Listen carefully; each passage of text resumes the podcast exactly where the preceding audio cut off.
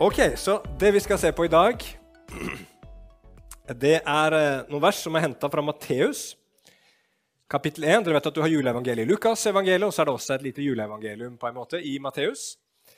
Og der står det om eh, eh, hvordan eh, Maria blir gravid med Jesus. Og Josef får en drøm om dette, her, en åpenbaring fra en engel om at det som er, eh, er, er unnfanga i Marie, er av Den hellige ånd. Eh, det er ikke noe menneske som har vært involvert. Og så står det da i Matteus 1, 22-23.: Alt dette skjedde for at det ordet skulle oppfylles, som Herren har talt gjennom profeten. Se, jomfruen skal bli med barn og føde en sønn, og de skal gi ham navnet Immanuel. Det betyr Gud med oss. Og det her er henta fra Jesaja kapittel 7. Så har du med deg Bibelen, så kan du slå opp nå i Jesaja kapittel 7. Vi skal begynne fra vers 1. Og så er det tre ting vi skal lære fra det avsnittet som vi skal lese der. Eh, litt etter litt. Eh, og det er det første at synden gir ingen fred. Men Gud gir forunderlig nåde. Og nummer tre Jesus er tegnet til liv eller død. Synden gir ingen fred, Gud gir forunderlig nåde, og Jesus er tegnet til liv eller død. La oss be, og så går vi inn i teksten. Kjære himmelske Far, takk at du er her. Å Gud, takk at ditt ord er så rikt, både fra begynnelsen til slutten, Herre, fra første Mosebok til Johannes' åpenbaring, Herre. Så er ditt ord fullt av liv, fullt av kraft, fullt av sannhet. Noe er lettere å få tak i, andre ting må vi grave litt med for å se, Herre. Men overalt så finnes det åpenbaring om deg, Gud. Åpenbaring om din frelse. Åpenbaring om Jesus. Åpenbaring om den frelse som han har brakt ved sitt blod på korset og sin død og sin oppstandelse, Herre. Å, Jesus, jeg bare ber om at du må hjelpe meg nå, Herre. Du ser dette er litt sånn, litt eksotiske greier, Herre. Så, så hjelp meg, Herre, til å formidle det på en god måte. Og, og la alle sammen få kjenne at de, de forstår noe, de ser noe, Herre, av hvem du er, Jesus, som de ikke har sett før, og som kan, kom, eller, eller som kan gå dypere i hjertene deres. Det ber jeg om, Far i Jesu navn. Amen. Ok, så Da skal vi begynne med, med eh, første punktet. Synden gir ingen fred. og Da går vi til Jesaja 1. Og så leser vi gjennom vers 1 til 2 først, og så går vi videre i teksten etter hvert som, som eh, vi liksom eh, kommer videre i historien. Det blir ganske mye tekst, så jeg tenkte det var greit å ikke ta alt på en gang. Så der Jesaja 7, vers 1-2, så står det I de dager da Akas, sønn av Jotam, Ussias sønn, var konge i Juda, dro re, kong Resin av Aram og kong Peka av Israel, sønn av Remalja, i krig mot Jerusalem. Men de greide ikke å gå til angrep på byen. Det ble meldt til Davids hus arameerne har slått leir i Efraim. Da skalv både kongens og folkets hjerte, slik trærne i skogen skjelver for vinden. Ok, Her er det mye å pakke ut, så jeg skal prøve å gjøre sånn som Thomas gjorde. og Gi litt sånn historisk og geografisk hjelp, sånn at vi kan forstå bedre hva den teksten her handler om. Og Da får dere et fint kart her. Som Thomas var inne på for to uker siden, så ble det sånn i Israel etter Salomo at riket ble delt i to. De to, eh, to av stammene, bl.a. Juda, de danna et rike i sør som kalles for Juda. som dere ser her. Også de ti andre stammene de danna et kongerike i nord som kalles for Israel. Og På den tiden som vi er nå, så er kongen i Juda. Han heter Akas, som det står her. Noen oversettelser er også Ahas. Mens i nord, i Israel, der heter kongen Peka. Og han kalles også for Remaljas sønn. Det er liksom uh, fordi han er sønn av en mann som heter Remalja. Ok, Så langt, så godt. Men så er det mer. På den tiden og den var også eh, Thomas inne på, så var det et stort og undertrykkende rike i Midtøsten som var et, egentlig et grusomt og fælt folk som ja, hadde, var, var, supermakten på den tiden, som het Asyria. De ser dere lengst borte her. Hovedstaden var Ninive. Den hovedstaden har dere hørt om i fortellingen om Jonah. Og eh, Asyria er en stor trussel for alle land i regionen på den tiden. Og Dermed så bestemmer kongen i Israel, Israel seg, Peka, for å inngå en allianse med nabolandet Aram. Kalles også for Syria noen ganger i Bibelen. Så De to går sammen i en militær allianse for å stå imot kongen av Asyria. Og så vil de ha med seg kong Akas i Juda på den alliansen. Men kong Akas i Juda han har ikke lyst å være med.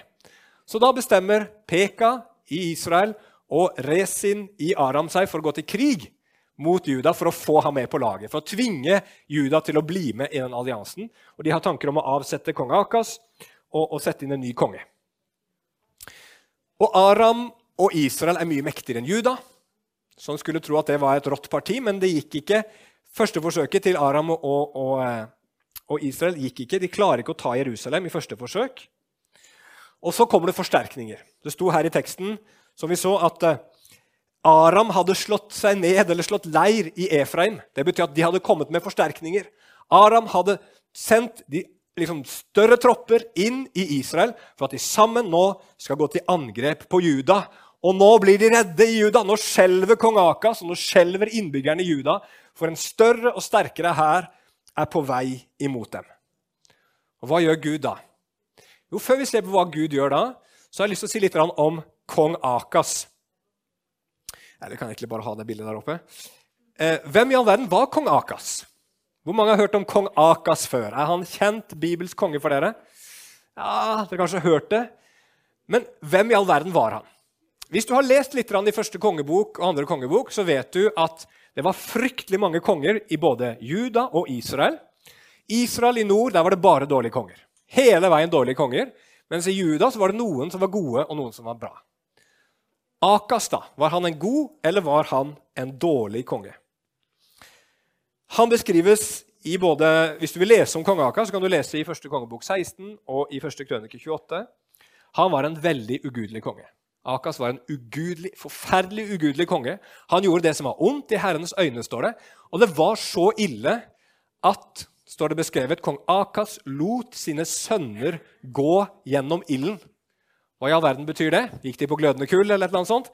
Nei, det betyr rett og slett at kong Akas på et eller annet tidspunkt bestemte seg for uh, at uh, hans ofring som han gjorde til avgudene, ikke bare skulle være dyr, men han valgte på et tidspunkt å ofre sine egne sønner til avguden Bal. Så dette her var en fæl fyr. Og Han var så ond og så fæl at vi kan tenke oss at denne fyren her, han må være noe helt annet enn det jeg er. Jeg er sikkert mye bedre enn han. Men jeg tror ikke Akas var så veldig, veldig forskjellig fra oss, selv om nok ikke vi ville gjort akkurat det samme som han. Men Akas han var to ting. Det er to ting som er veldig klart om Akas hvis du leser historien om han i Bibelen. Det første det var at han var en mann som ønska fred. Han ønska kontroll over sitt eget liv, og han ønska kontroll over sitt eget land for enhver pris. Det var det han ville. Han ville ha fred, han ville ha ro, han ville ha kontroll. Og For det andre så var Akas en handlingens mann. Så med en gang han hører at nå er Israel og Aram på vei, så er det første han gjør, leser vi videre, det skal du straks se, at han går utenfor Jerusalem og sjekker vannforsyningen for at de skal kunne forberede seg på en beleiring. Han er en handlingens mann. Og Det andre han gjør, litt senere i teksten nå, det er å gå til Asyria og gi dem masse sølv og gull for å få Asyria med på sitt lag mot Israel og Aram. Så Akas han ville ha fred, han ville ha velstand til enhver pris. Og han var villig til å gjøre alt for å få det. Og jeg tror nettopp det var derfor Akas ofra til avgudene. For disse avgudene som fantes på denne tiden her i Israel, de var sånn at de lovte deg velsignelse og velstand og fruktbarhet og alt mulig. Hvis du bare ofra til de, hvis du bare tjente dem, så skulle de velsigne deg tilbake. Og jo mer og jo større og jo mer verdifullt det du ofra til disse avgudene var, jo mer var sjansen stor for at de skulle velsigne deg tilbake. Og Siden Akas han var en sånn handlingens mann, han tenkte dette her må jeg ha. Jeg må ha fred, jeg må ha velstand. Og hvis jeg bare ofrer nok, så kommer disse gudene til å gi det til meg. Så gikk han så langt som han kunne, og så ofra han sine egne sønner for å få denne freden og denne velstanden som han ønska seg. Er det ikke litt sånn vi mennesker er alle sammen? At vi vil ha fred og velstand? Er det noen her inne som ikke vil ha fred og velstand? Nei. Vi vil ha det godt, vi vil være lykkelige. Vi vil ha fred på utsiden, og vi vil ha fred på innsiden. Og Derfor så søker vi det på forskjellige steder. Vi søker det i kjærligheten, vi søker det i karrieren, Vi søker det i pengene. Vi søker det gjennom å vise at vi er fine og gode mennesker. Vi søker det på all slags mulige måter. Og Hvis du vil ha disse tingene nok, så kommer det alltid til et punkt hvor du er nødt til å ofre for dem. Hvis du tenker at karrieren er vei til fred og velstand, så kommer det et tidspunkt hvor du må ofre for denne karrieren. Og Er det ikke et klassisk eksempel på familiefaren som ofrer familien sin på karrierens alter? Fordi at han skal lykkes, han skal få det til. Men sånn gjør alle mennesker. Bare du vil ting nok, så begynner du å ofre ting som, som, du kanskje ikke burde ha ofra. Og så skjer det også Bare du vil ha lykke og velstand nok, så kommer du til et tidspunkt hvor du er nødt til å gå på kompromiss med Guds ord og med Guds løfter og bud. Du kommer ikke utenom det. Hvor mange mennesker har ikke gått på kompromiss med egne overbevisninger for kjærlighetens skyld? For man tenkte at bare den personen der vil ha meg, og jeg kan få den personen i mitt liv, så skal alt bli bra. Og så går man på kompromiss med ting man vet er riktig og sant og rett. Og så ender vi alle sammen egentlig opp som Akas. Vi vil ha fred, vi vil ha velstand, men det blir krig istedenfor. Det er uro, tomhet. Vi kjenner på alle vi mennesker når vi jager nok etter disse tingene. Og Det står helt klart, hvis du ser i 1. krønikebok 28,5, at denne krigen kom inn i Aka sitt liv nettopp pga. hans synd. Synden gir ingen fred. Synden kan ikke gi fred. Du jager etter fred og lykke, men nå gjør du som Akas. Du skjelver. Hele Juda jagde etter fred og lykke, men nå skjelver de. For det de hadde satsa på, det svikta.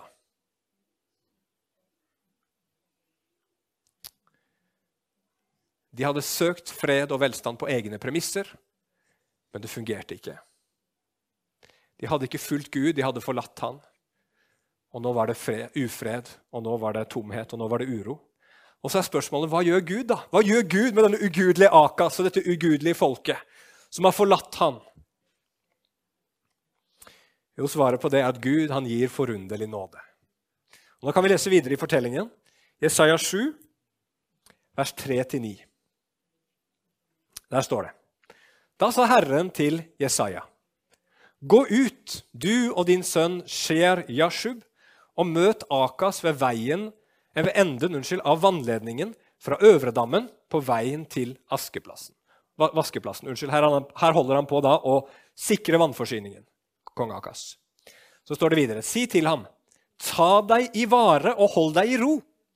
Vær ikke redd, og mist ikke motet for disse to utbrente og rykende vedtrærne, for den brennende harmen til Resin og Aram og Remaljas sønn.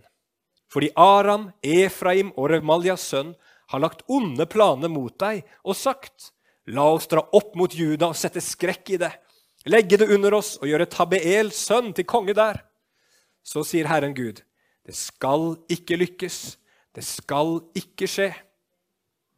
For Damaskus er Arams hode, og Resin er hodet i Damaskus. Men om 65 år er Efraim knust, og det er ikke lenger et folk. Og Samaria er Efraims hode, og Remalias sønn er hodet i Samaria. Vil dere ikke tro, kan dere ikke stå støtt. Her òg er det ikke så lett å forstå, kanskje, men la oss prøve å oppsummere det. Hvordan i all verden møter Gud denne ugudelige Akas i sin selvforskyldte nød. Han hadde rota det til sjøl. Var hans skyld at han havna der han havna. Og hva gjør Gud?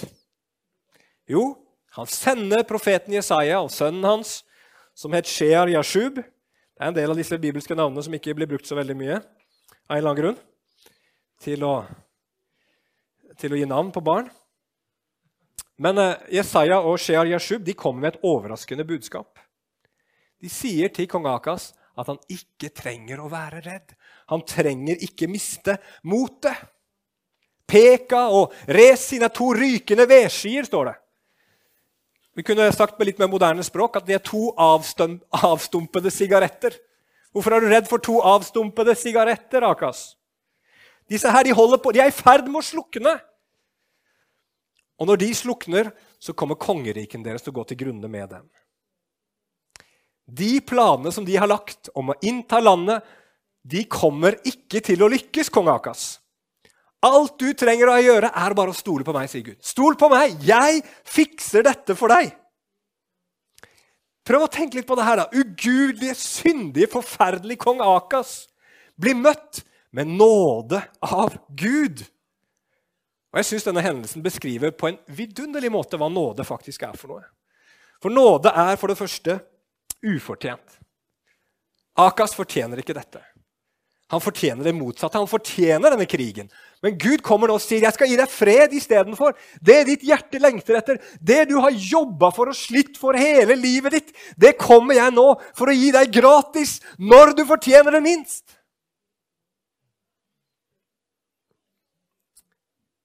Her kommer freden. Og sånn er Gud med oss også. Hvis du tror at du må bli god nok for at Gud skal velsigne deg, god nok for å komme til Gud og bli elska av Han, så har du misforstått både hvem du er, og hvem Gud er. Vi er syndere. Vi har gjort mye dumt, alle sammen som sitter her inne. Og hvis du tenker ja, jeg er ikke så ille, så er det fordi du har dårlig hukommelse. Bare tenk deg litt om, så kommer du på det.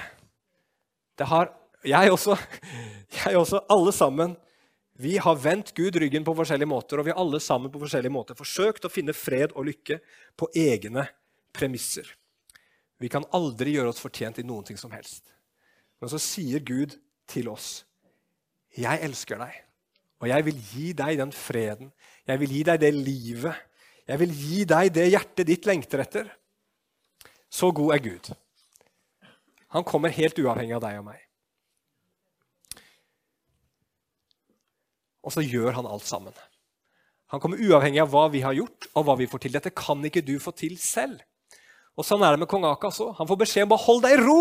La meg fikse det her, Gud. Eh, eh, eh, Akas, sier Gud til Akas. Gud sier, 'Jeg skal fikse det for deg'. Slapp av. Jeg skal beseire fiendene for deg. Ikke gjør noen ting. Hold deg i ro. Altså Aka, som vil ordne livet sitt sjøl, som vil ha kontroll, får beskjed av Gud. 'Hold deg i ro. Jeg fikser det her'. Og vet dere hva nåde er for noe? Nåde er at Gud har gjort alt sammen. Uavhengig av oss så har Gud klart å fikse hele sulamitten sjøl. Og for oss som lever nå 2000 år etterpå at Jesus kom, så er det i hvert fall noe som allerede Gud har gjort. Det er ferdig for lenge siden. Det er fullstendig uavhengig av oss. Lenge før du ble født, så sendte Gud sin sønn til jorda. For å leve det livet du ikke klarte å leve. For å dø den døden du og jeg fortjente å dø for våre synder. Og for å vinne seieren over døden som vi aldri kunne dø selv. Alt det gjorde Gud for at du skulle få kjenne Han, som ditt hjerte lengter etter. Finne fred i fellesskap med Han og leve evig med Han. Det er helt uavhengig av oss. Det er Gud som gjør det. Og det er en gave. Du må bare ta imot i tro. Du må bare stole på at det er sant. Det holder. Så blir du ren, og så blir du et Guds barn, og så får du et evig håp. Så enkelt er det.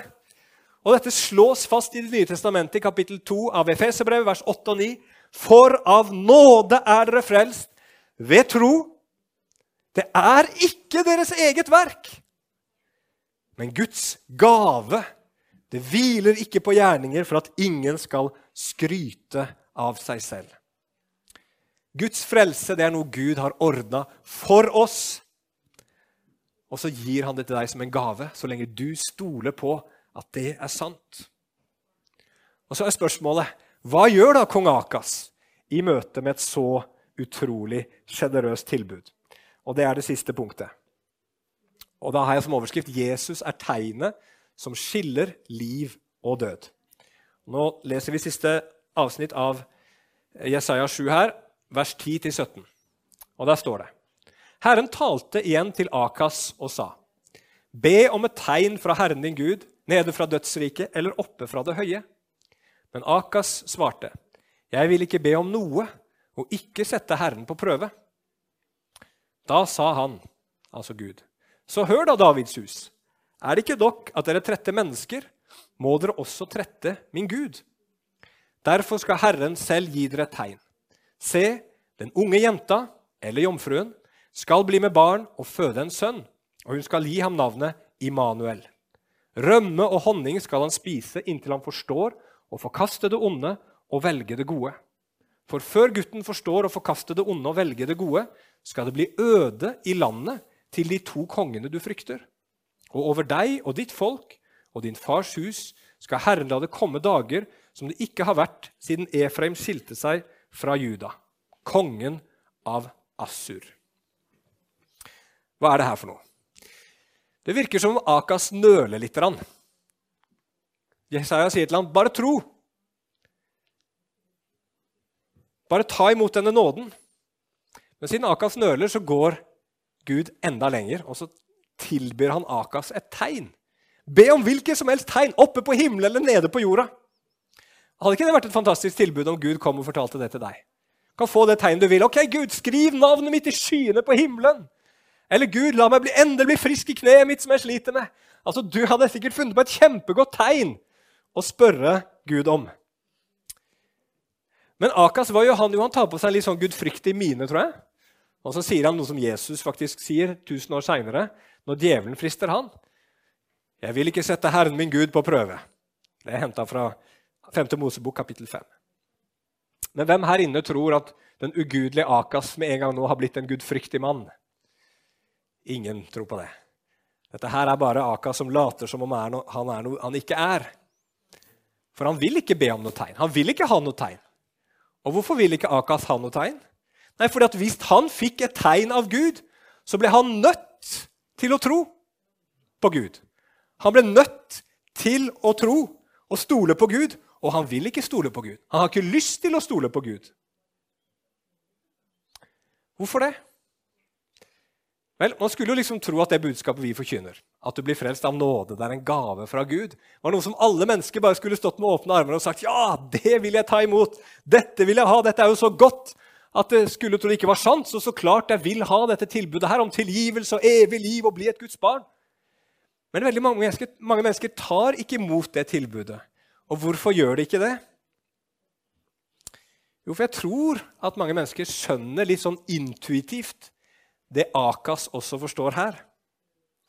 At det å stole på Gud det er en ganske kostbar handling. Guds frelse er gratis, men troen har en pris. For med en gang du velger å stole på Gud, så gir du på et vis også opp retten til ditt eget liv. Noen av dere har lagt på operasjonsbordet her inne. Og det er litt det du gjør i en periode da. Du legger ditt liv i kirurgenes hånd for en periode. Og du velger å stole på dem. Du stoler på dem først, og så legger du ditt liv i kirurgens hender. Fordi at du vet at dette som kirurgene kan, det kan ikke jeg. Dette kan ikke jeg få til. Dette kan ikke jeg fikse. Men disse her, de vet hva de gjør. De kan ordne det. Men de kan bare gjøre det hvis du stoler på dem. De kan bare gjøre det hvis du overgir livet ditt til dem for en liten periode. Og det samme er det med Gud. Du må overgi livet ditt til Han. Det er det tro er. Stole på Gud. Og Akas, han vil ikke det. Han vil ha kontrollen på sitt eget liv. Han vil finne freden på sine egne premisser. og Derfor så betaler han en stor sum. Det står at han tar penger og gull fra tempelet for å betale en konge i Asyria som het Tiglat Pileser, for at han skal hjelpe. Og hva er Guds svar da? Hvis ikke Akas vil be om et tegn, så skal Gud gi et tegn istedenfor. Og da kommer den teksten vi kjenner. En ung kvinne skal bli med barn og føde en sønn som skal hete Immanuel. Og det betyr Gud med oss. Og jeg vet at Det står jomfru i mange oversettelser. Og Vi skal komme tilbake til det. Det er et ord som faktisk kan bety både ung kvinne og jomfru. Og jeg skal si litt mer om det straks. Men han er altså et tegn på Guds nåde. Gud er med Israel. ikke sant? Herren er med oss. Gud med oss er navnet hans. Han skal være tegnet og bevise på at Gud skal hjelpe. Men så er det noe rart med denne Immanuel. For det står han skal spise rømme og honning når han vokser opp. Og Det høres jo veldig fint ut, kanskje. Jeg vet ikke om du liker rømme eller honning. Men hvis du leser litt videre i teksten, vers 22, så skjønner du at denne rømmen og honningen faktisk er tegnet på en nødstid som skal komme over Israel. en nødstid pga. krig. Så her virker det ikke som om Gud er med. Men så, når barnet blir så gammelt at det kan skjelne mellom godt og vondt, altså at det når en viss modenhet, så står det at da skal Aram eh, og, og, og Israel, Akas fiender, de skal være lagt øde. Så dette barnet skal bli født, og når det blir gammelt nok til å kunne skille mellom godt og vondt, da skal det være ute med Aram, ute med Israel, ute med alle fiendene. Så det er jo et godt tegn. Ja, ok, Gud er med allikevel, da. Men så sier Jesaja enda noe mer. Fordi Akas ikke ville stole på Gud, men på kongen av Asyria istedenfor, så skal det bli en kjempekrise. Like ille som da Israel og Juda skilte lag for 200-300 år før det. Så er Gud med, eller er han ikke med? Det er litt sånn, sånn dobbeltsidighet her. Og det står i første krønikebok 28, vers 20 om denne kongen. Så kom asyrerkongen Tiglat Pelese mot ham men brakte ham nød og trengsel i stedet for hjelp. Så dette her Immanuel-tegnet det er litt sånn uklart. Det forteller både om frelse og om dom. Men det, det, det, står Gud er med oss, men så er det frelse og dom. Hvordan i all verden henger dette her sammen? Og så blir vi litt nysgjerrige. Hvem i all verden er denne jomfruen eller unge kvinnen som skal bli med barn? Og hvem er Immanuel som hun skal bli føde? Som skal bli født. Hun skal føde, unnskyld. Og Det som jeg tror er tilfellet her, det er noe som man ofte ser i Det gamle testamentet, i profetier, at de har en dobbel oppfyllelse. De oppfylles delvis på den tiden som de blir uttalt, og så får de en fullkommen oppfyllelse i Jesus i Det nye testamentet. Og det er tilfellet her også. Fordi hvis du leser litt videre i teksten i Jesaja 8, så står det at Jesaja han skal få en sønn. Og Gud sier til han at han skal kalle sønnen sin for Maher Shalal Hashbaz. Da har du i hvert fall et navn som ingen kommer til å gi til barna sine. Og det betyr brått bytte rov i hast. Og Betydningen er jo litt spesiell òg, men det, det, tyder på at noen skal komme og ta bytte.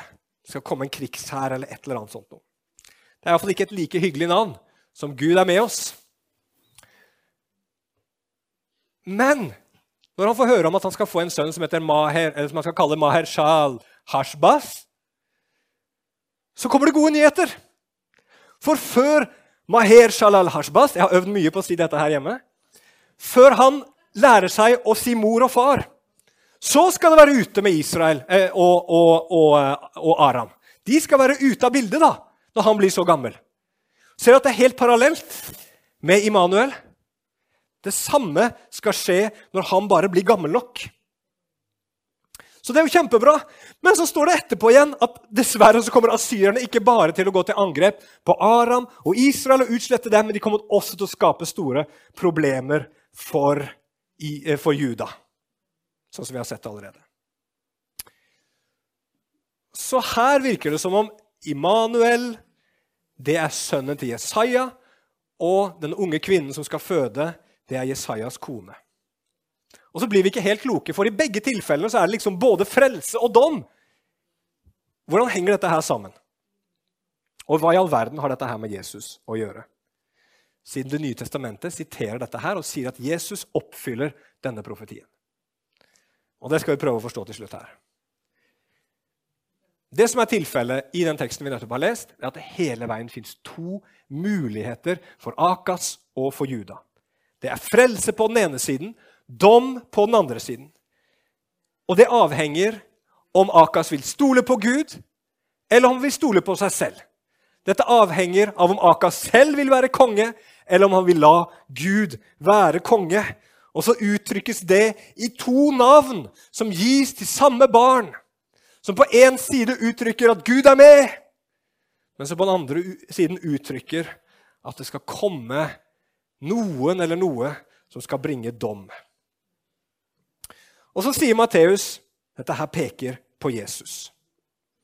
Og Det som er interessant, det er at når Matteus siterer dette verset her fra Det gamle testamentet, så bruker han et gresk ord istedenfor det hebraiske ordet for den unge kvinnen eller jomfruen. Og På hebraisk så kan det bety ung kvinne eller jomfru, men på gresk kan det bare bety jomfru. Så det Matteus sier, at denne her Profetien fikk en delvis oppfyllelse i at Jesaja fikk sitt barn med sin kone, men den fullkomne oppfyllelsen kommer når Jesus blir født av en jomfru denne tiden som vi leser om i juleevangeliet. Der oppfylles denne profetien. Han, Jesus Kristus, skal være en som både bringer frelse og dom til sitt folk. Han er tegnet til liv eller død. Og Hvis vi går til Lukas evangelium 2, 34, så står det Dette her er fra når Jesus og Maria, Jesusbarnet blir brakt til tempelet av Maria og Josef. Og så er det en som heter Simeon, som er der, har venta på Messias veldig lenge. Og Så ser han endelig Jesusbarnet, og så priser han Gud, og så velsigner han barnet. Og så sier han, står det her Se, han er satt til fall og oppreisning for mange i Israel, til et tegn som blir motsatt. Motsagt, unnskyld. Jesus han skal være tegn. Det var det det sto i Immanuel-profetien òg. Se, dette skal dere Eller det står ikke det, dette skal dere ha til tegn, men det var i hvert fall noe annet med tegn. Nå kom det helt. Samme det. Det var noe med tegn, i hvert fall. For noen blir det tegnet til fall. For andre så blir det tegnet til oppreisning. Hvordan skjer det? Jo, det ser vi i Bibelens mest kjente avsnitt. Johannes evangelium 3, vers 16 og 18. For så høyt har Gud elsket verden, at han ga sin sønn den enbårne, for at hver den som tror på ham, ikke skal gå fortapt, men ha evig liv. Gud sendte ikke sin sønn til verden for å dømme verden, men for at verden skulle bli frelst ved han. Den som tror på ham, blir ikke dømt. Den som ikke tror, er allerede dømt, fordi han ikke har trodd på Guds enbårne sønns navn. Her har du både frelse, og her har du dom. Vi har alle sammen vært som kong Akas. Vi har alle sammen søkt å finne lykke, glede, mening, fred på våre egne premisser. Men så har vi fått syndens lønn istedenfor det vi trodde vi skulle få. Vi har fått tomhet, vi har fått død. Og så møter Gud deg og meg med nåde, med godhet, ved å sende sin sønn til jorden, som bringer oss frelse gjennom dom. For han blir sjøl dømt. Han tar på seg konsekvensene av at vi ville leve livet på våre egne premisser. At vi brøt Guds bud, at vi levde sånn som vi ville. Alt det falt på Kristus. Og Dermed så er han tegnet på at Gud er med oss.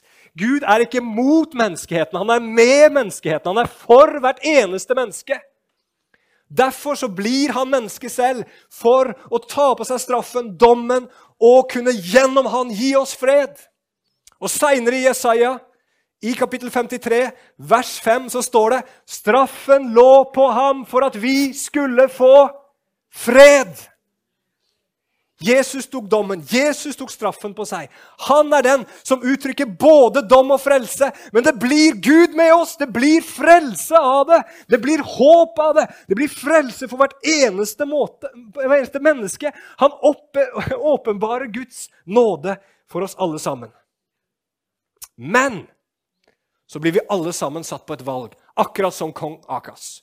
Vil du tro på dette, eller vil du forkaste det? Vil du stole på Gud, eller vil du stole på deg selv? Vil du la Han være konge, eller vil du selv være konge i ditt liv? Hva vil du gjøre med min nåde, sier Gud. Jeg beviser for deg at jeg er med deg. Jeg er for deg. Men spørsmålet er er du med meg. Vil du bøye deg for meg? Vil du innse at jeg er den eneste som kan frelse deg? Vil du ta imot det som jeg har kjøpt for deg, gitt alt for å kunne vinne for deg?